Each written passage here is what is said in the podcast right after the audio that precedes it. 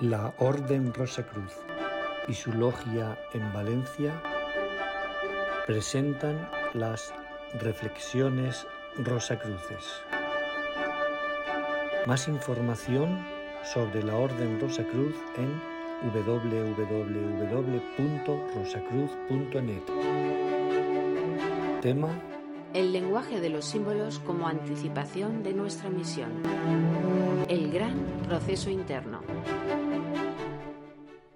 A lo largo de un dilatado proceso de introspección, los seres humanos que nos embarcamos en el increíble y fascinante viaje interior nos vemos auxiliados por una serie de métodos muy estudiados actualmente y de antiguo para ayudarnos a desentrañar el misterio que somos y el lugar que ocupamos en la creación, nuestra misión en la vida. Podríamos decir que uno de estos métodos de enseñanza más que comprobados por la persona que escribe es la interpretación de nuestros sueños, los cuales nos acercan a la verdad en la que nos estamos desenvolviendo, el llamado proceso consciencial en el que nos encontramos en cada momento de nuestras vidas. Los sueños nos revelan tanto partes inconscientes capsuladas en lo más profundo de nuestra personalidad como procesos conscienciales de nuestro momento presente, e incluso se pueden manifestar los llamados sueños lúcidos y hechos futuros, pues como ya sabemos, en la mente de Dios todo está imaginado y hecho. Consecuentemente, es posible que podamos captar algunas de esas cosas. Los sueños se manifiestan a través de los símbolos, y el símbolo nos rodea por doquier en la vida, a poco que uno se dé cuenta o desee darse cuenta con la debida atención. De hecho, el símbolo es una comunicación de doble dirección con los planos superiores de conciencia, y por ello nos puede exponer por reflejo una revelación, un destello intuitivo que surge de nuestro interior al contemplarlo. La revelación, pues, despierta en nosotros, y la misma va más allá de cualquier lenguaje literal. El símbolo es una imagen o destello cargado de significado que ninguna palabra puede expresar fidedignamente. Con respecto a los sueños, es importante que seamos nosotros y solo nosotros los que indaguemos sobre nuestro particular sueño y saquemos nuestras propias conclusiones, ya que cada mundo interior tiene un modo personal de entender. Atendiendo a la importancia que merecen, deseaba compartir con todos ustedes un sueño de cierta persona, a mi entender, muy interesante para que podamos tener un ejemplo del proceso consciencial. Para que sea más fácil, lo relataré en primera persona. El 26 de noviembre de 2018 soñé que de pronto algo muy importante iba a suceder. De hecho, estaba ocurriendo en ese presente y a nivel mundial. Veía a muchas personas correr de un lado a otro, tratando de encontrar un camino seguro hacia no se sabía dónde. Yo inicié un recorrido, pero al momento una fuerza interior me habló y me dijo que lo cambiase. Así pues, lo rectifiqué, pensando que este último sendero parecía era el más adecuado. Varias personas me siguieron, pero no recuerdo quiénes o cuántos. La cosa parecía grave, sin embargo, yo no me encontraba angustiada, sino tranquila y segura, pues aquel susurro irradiaba confianza y seguridad. La sombra de la duda, sin embargo, asomó, pero sólo era la mente. ¿Hacia dónde me dirigía el ser? ¿Qué lugar sería ese? ¿Qué iba a ocurrir? Ni idea. Así pues, comencé a estar segura de lo que hacía. Confiaba plenamente en ello, y me puse en sus manos, las mejores.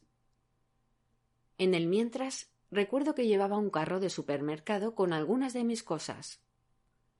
Mi hijo me acompañaba, aunque en el sueño contaba con bastante menos edad que la real, como de unos siete u ocho años de edad en el sueño. El niño era una parte de mí, todo era una parte de mí, hasta el carro y su contenido. De pronto algo me llamó poderosamente la atención. Era una especie de tienda donde nos vendían cosas, la cual estaba desmantelando la policía, pues parecía que descubrieron su gran mentira. Una mentira perpetrada por instituciones religiosas, gobiernos mundiales y personas anónimas con mucho poder mundano. En definitiva, un estado de conciencia con su sistema de creencias estipulado, todo ello ofrecido interesadamente a toda la humanidad o sencillamente por herencia generacional. Sin embargo, todo parecía deshacerse, todo se deshacía irremediablemente ante mí. Dejé el carro, pues mi hijo momentáneamente se acercó hacia aquel lugar. Yo le seguí a ver el proceso. El lugar disponía de unos grandes ventanales para vender sus productos, y se encontraban abiertos de par en par. Dado que mi hijo se alejó algo más, tuve que seguirlo dejando el carro de lado por un momento. Un policía que se encontraba vigilando, al ver al niño le regaló dos artículos que parecían juguetes, dos artículos de los desmantelados. Las personas continuaban como un tumulto a nuestro alrededor, sin reparar en nada, estaban como perdidos. Al recibir estos juguetes quiso mostrármelos llenos de alegría, los contemplé brevemente y acto seguido lo tomé del hombro y juntos de nuevo nos dirigimos hacia nuestro carro. Pero me encontré que lo había cogido una señora y dentro de él había introducido lo que parecían sus dos hijos, una niña y un niño pequeños. Estaban sentados entre mis pocas pertenencias. Rápidamente le pedí que cogiera a los niños y soltara el carro, pues íbamos a reanudar la marcha y ese era mi carro. Le costó soltarlo a la mujer. Enfadada y molesta, no quería, pero se lo ordené firmemente, muy seria. Esas eran mis cosas, pensé. No eran de ella ni de nadie más. No lo podía ni debía permitir. Por fin así lo hizo y me sentí liberada, libre, pues fui yo misma y combatí la intromisión, lo que no deseaba aguantar de nadie. Además, mi objetivo era sumamente importante. Así pues, reinicié mi camino en pos del lugar que me correspondía. Pero ¿cómo acabaría el sueño? ¿Qué lugar era ese? Intuí que lo sabía, pero no era consciente aún. Solo recuerdo que continuamos los dos por el camino elegido y el sueño acabó cuando sonó el despertador. Y desperté. Una interpretación de este fascinante sueño simbólico, además del proceso de la persona, sus futuros y presentes cambios, toma de conciencia, misión y otras múltiples cuestiones íntimas de la misma que ahora no vamos a exponer para no alargar demasiado este trabajo. Tiene que ver con la raíz de la naturaleza dual de los pasados aprendizajes y sistemas de creencias que percibimos a lo largo de nuestras vidas a través de la mente, todos ellos guiados por otros. Una mente que absorbe toda la información que recibe de otros y que a la persona del sueño concretamente se le derrumbó cual castillo de naipes.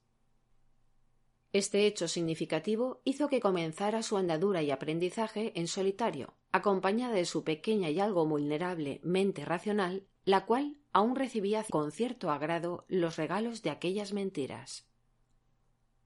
Sin embargo, algo ya había cambiado en esa persona. Ya no les daba tanta importancia, ya no creía totalmente en ellos. ¿Cómo pues si no estaba cambiando de lugar o enfoque?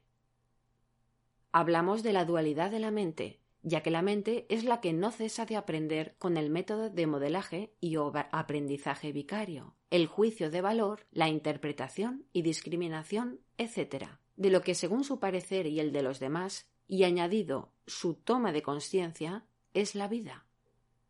Una distracción muy recurrente, heredada de los errores, las tendencias, la falta de autonomía personal y la lógica ignorancia del pasado y del presente, quizás por la amnesia de lo que en realidad somos. A la mente en un estado de conciencia limitado le gusta o no le gusta, sufre o puede ser feliz, interpreta lo adecuado o lo inadecuado, siempre claro está, dentro de la dualidad. Sin embargo, se puede intuir que la vida es mucho más. Quizás el mejor símbolo para poderla definir en el plano de la materia es que la vida que vemos y desplegamos ante nosotros sea como un espejo ante nosotros, en cuanto a nuestros procesos internos, pues ¿quién es el que observa? ¿Quién es el que ve la vida pasar? ¿Qué es esa vida que se despliega ante nosotros? ¿Acaso no es nosotros? ¿Qué, o dicho de otra forma, quién es la vida? Tras alguna percepción, en mi opinión, la vida somos nosotros y nosotros somos la vida. La vida es completa en sí misma, la cual unifica todos los aparentes contrarios, pues dentro y fuera vienen a ser lo mismo, tal y como nos sugieren ciertas enseñanzas. Además, se ha de añadir a esto que todo aquello que entre en contacto con nosotros, automáticamente nuestra mente inicia su incursión interpretativa del asunto, y por tanto ya no es un hecho neutral. Se convierte, pues, en nosotros, en una situación interpretada por nuestra mente. Y comienza la comedia. Sin duda, el símbolo del espejo puede ayudarnos algo a incorporar luz en este asunto, y como ejemplo nos podríamos preguntar ¿Qué ocurre cuando uno se sienta a meditar frente a un espejo? ¿Alguien ve o siente a dos personas? ¿Acaso ve una frente al espejo y otra en el otro lado del mismo? ¿Las percibe como cosas separadas? Si bien es cierto que estamos nosotros a un lado y al otro lado se encuentra nuestra imagen, en realidad somos uno y lo mismo, pero como proyección o imagen en el lado opuesto. Así pues, la vida material se podría percibir como una imagen en movimiento desde nuestra mente interpretativa. Esto en apariencia tan sencillo, a la mente en la cotidianidad le cuesta entenderlo, como cuando se enfrenta a la realidad que vive todos los avatares, disgustos y experiencias que debe atravesar.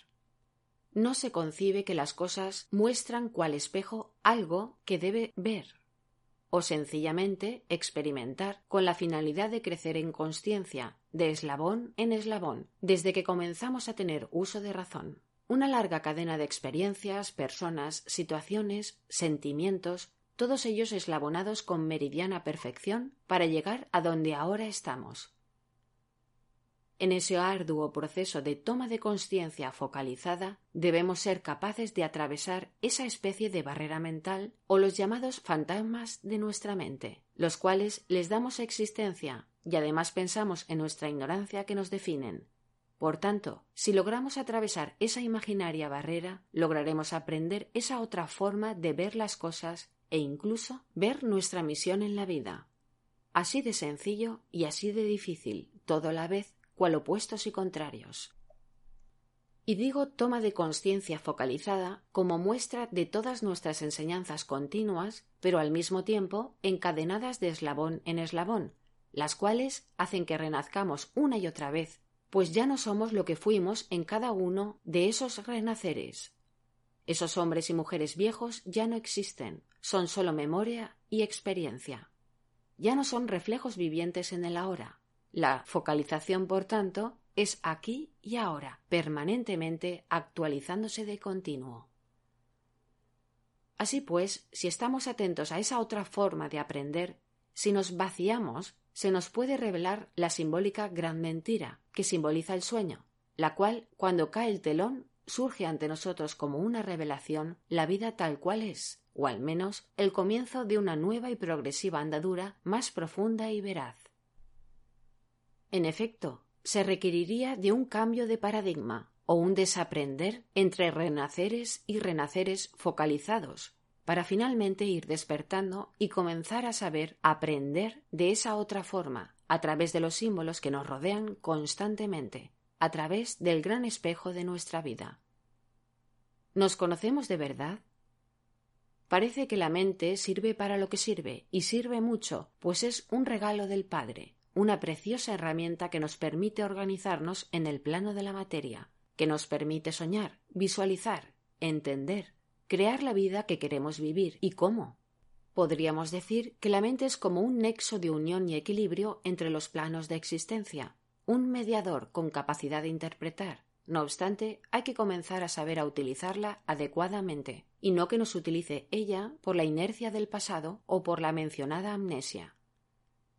Hay, pues, que limpiar ese espejo comenzando por vaciar ese complejo entramado mental y emocional. Nosotros debemos ser los dueños absolutos de nuestra vida.